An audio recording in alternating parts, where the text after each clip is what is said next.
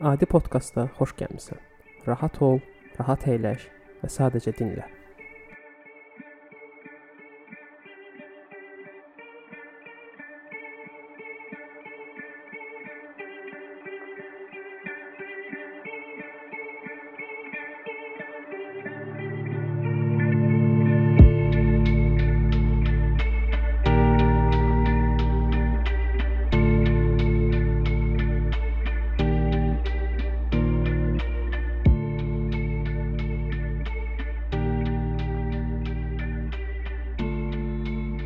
Ümumiyyətlə biz nəyəsə öyrəşib yaşayırıq. Dəyişiklik eləmirik həyatımızda. Öyrəşdiyimiz şeyləri çalışırıq ki, ömrümüzün böyük bir hissəsində elə öyrəşdiyimiz kimi də yaşayaq. Buna çox misal gətirmək olar. Tutaq ki, iş masamıza öyrəşirik və onu heç vaxt dəyişmirik. Gec-gec təmizləyirik və yaxud da ora əlavə nəsə gətirib qoymağa ərinirik və yaxud orada hər hansısa dəyişiklik, köhnə şeyləri atmaq filan bu tip şeyləri çox nadir hallarda eləyirik. Eləyən adamlara da qəribə baxırıq bir bir çoxumuz. Əslində bu normaldır. Nə, nə barədə normaldır? O barədə normaldır ki, dediyim kimi biz bir şeyə öyrəşib yaşamağı çox üstün tuturuq. Komfort zonanı tərk eləməmək deyirlər buna əslində müəyyən mənada.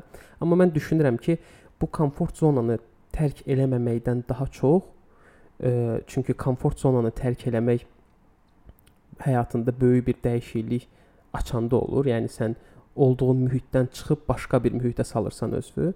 Mən buna deyərdim, komfort zonanı tərk eləməməkdən daha çox biz həyatımızda xırda dəyişikliklər eləmirik. Bizim həyatımız xırda dəyişikliklərə bir növ həsrət qalıb. Xırda dəyişikliklər nədir? Gündəlik hər şey ola bilər. Soyuducunun üstünə hər hansısa rəngli təzə maqnit yapışdırmaq, telefonda tətbiqlərin yerini dəyişmək, telefonun zəng səsini dəyişmək, iş masasına evdən gətirib gül qoymaq və yaxud hər hansısa tamamilə başqa bir şey, hər gün taksi ilə getdiyin yolu piyada getmək belə ola bilər. Bu xırda dəyişiklikdir.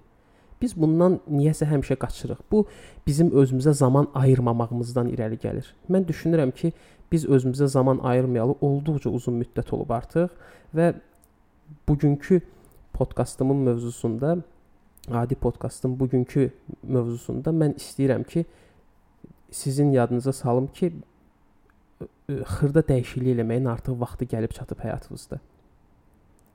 Və elə indi dinləyə-dinləyə və yaxud da dinləyəndən sonra artıq hər hansısa xırda dəyişiklik eləmək üçün sizin səbəbiniz olacaq. Mən eləmişəm. Elə bayaq çəkdiyim misallar özümə aid misallardır. Uzun müddət idi komfort zonamdan çıxmırdım. Yaxşı komfort zona deməyək daha buna. Uzun müddət idi həyatımda xırda dəyişiklik eləmirdim. Bu həftənin başlanğıcında, yəni tətildən sonra gətirdim işə 2 dipçək gülü, hətta 3 dipçək gülü qoydum masanın üstünə. Masanın üstünü təmizlədim. Biraz bir neçə kitab gətirdim, atdım ki, oxuyaram. Və daha başqa şeylər indi yəqin ki, yadıma düşmürlər, düşsələr bölüşərəm, elədim. Və hiss eləyirəm ki, mənə nəsə müsbət aura qatır həmin o dəyişikliklər. Və qərara gəldim ki, niyə bu, bunu bu yaşadığım bu təcrübəni sizinlə də bölüşməyim ki. Ümumiyyətlə xırda dəyişiklik eləmək insanı bir növ böyük dəyişikliklər eləməyə hazırlayır. Biz ümumiyyətlə, yəni cəmiyyət olaraq, fərd olaraq həyatımızda xırda dəyişikliklər onsuz da eləmirik qalmışdı ki, böyük dəyişiklik eləmək və məsələ böyük dəyişikliyə gəlib çatanda biz həmişə qorxaqlıq göstərməyə hazırıq. Yəni həyatımızda heç vaxt böyük dəyişiklik eləmirik. Çox nadir hallarda, çox az bir qismimiz öz indi bax komfort zona deməyin əsl yeridir. Öz komfort zonasını tərk eləyib nəsə eləməyə can atır. Geridə qalanlar yəni o e, məsələ var, e, dünyanın 99%-i sadəcə izləyir, 1%-i nəsə eləyir. Yəni o 1%-ə baxmaqla məşğuluq hamımız. Yəni həyatımızda dəyişiklik yox səviyyəsindədir. Heç nə eləmirik. Sadəcə yatmaqla vaxtımızı keçirdirik, işə gəlib getməklə, işdən kənar maksimum 1-2 aktivitasiya, onların da heç biri sizi inandırıram ki, bir çoxumuzda yenilikçi deyil, yeni deyil. Və mən düşünürəm ki, artıq buna bir yerdən başlamaq lazımdır və başlayacağımız yer məhz xırda dəyişikliklərdir. Nə etmək olar? Bəs da eyni zəng səsi ilə hər zəngə alo dedin. Artıq zəng səsini dəyişə bilərsən. Mesaj səsini dəyişə bilərsən. eyni janrda kitab oxumaqdan artıq çıxmaq lazımdır. Biraz oxuduğun janrı dəyişə bilərsən. Eyni tərzdə Netflix-ə nə qədər girmək olar? Hamısı eyni kinolardır demək olar ki. Başqa platformadan kinoya baxa bilərsən. Dram izləyirsən, biraz saxla. Sənədli film izləməyə başla. Ancaq repə qulaq asırsan, okey, saxla biraz. Biraz da klassik musiqi dinlə. İnan inanın ki, bunlar kifayət eləyir bizim həyatımızda. Biz artıq növbəti mərhələlərdə böyük dəyişikliklərə hazır olaq. Və bizim məncə əsas problemimiz budur ki, biz böyük dəyişikliklərə özümüzü hazırlamırıq. Ona görə belə qapalıyıq. Hamımız çəkilib qırağda dayanmışıq. Heç nə eləməmək üçün belə ürəyimiz gedir. Amma məncə belə olmamalıdır. Bu bu yaşamağın standartı deyil. Sadəcə olaraq əgər bir dəfəyə baca çünki mən qeyd elədim, yəni mən mən yox, bir çox insan bunu yəqin ki, fərqindədir bunun. Bir çoxumuz hazır deyilik də buna böyük dəyişiklik eləməyə hazır deyilik. Okay.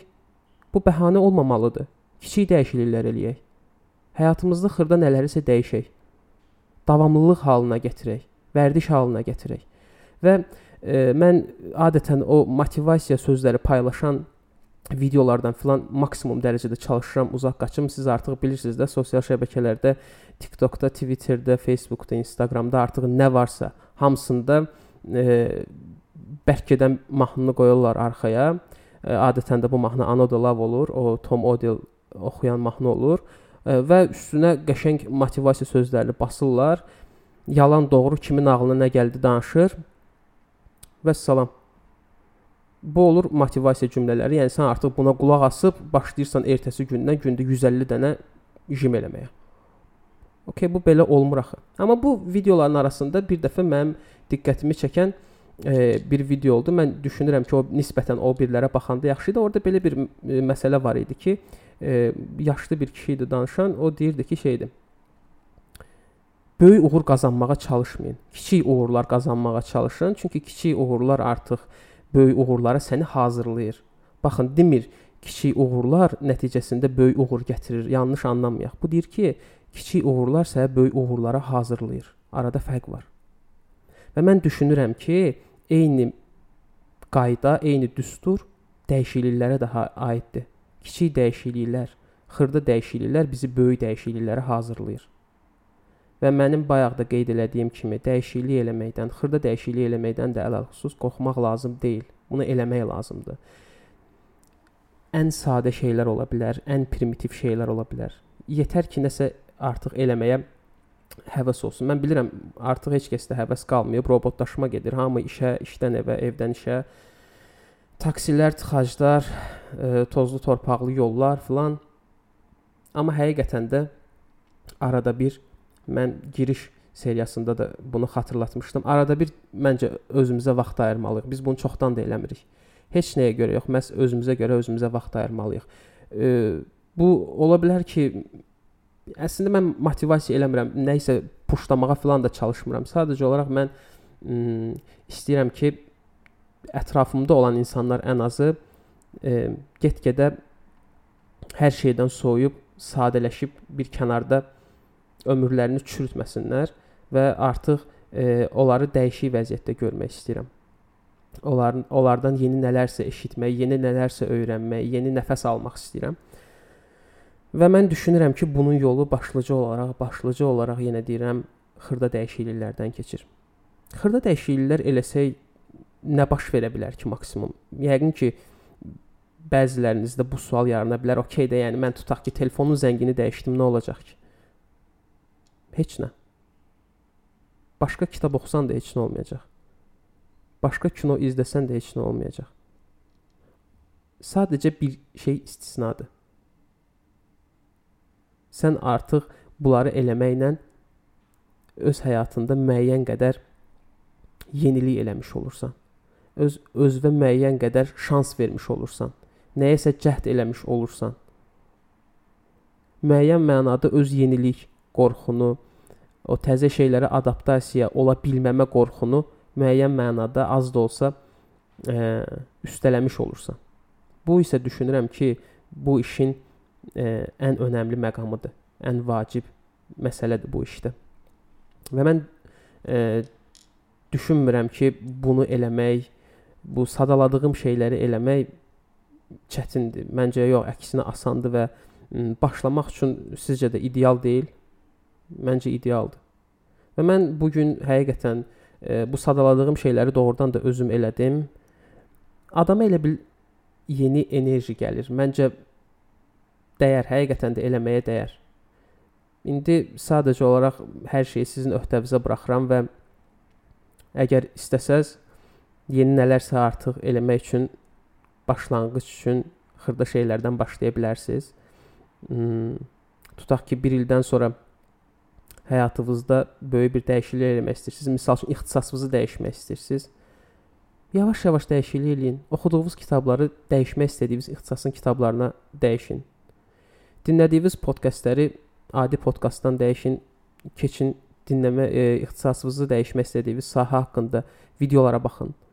Yəni bunu eləmək məncə asandır. Gerisi sizə qalıb. Yəni ümid edirəm ki, hər kəsin həyatında, daha doğrusu inanıram ki, hər kəsin həyatında xırda dəyişikliklərə ehtiyac var və mən hamıda, ən azından ətrafımda olan hamıda bu potensialı görürəm və burdan dinləyən hər kəsə demək istəyirəm ki, indi əsl vaxtıdır xırda dəyişiklik eləməyin. Niyə də yox. E, və mən fərqindəyəm ki, bu danışığım da o motivasiya videoları kimi oldu. Ümid edirəm ki, bunu o cür qəbul eləmirsiniz, çünki bu ən azından mənə görə biraz pis olardı. Nəysə, motivasiya videosu kimi də qəbul eləyə bilərsiniz. Əsas odur ki, həyatınızda hansısa dəyişikliklər eləyin. Mən sizə inanıram, mən sizə güvənirəm. Ümid edirəm ki, hamının həyatında hər şey uğurlu olar. Kiçik dəyişikliklər e, eləyəcəyiniz günü, ətrafımdakı insanların kiçik dəyişikliklər eləyəcəyi gündə səbirsizliklə gözləyirəm.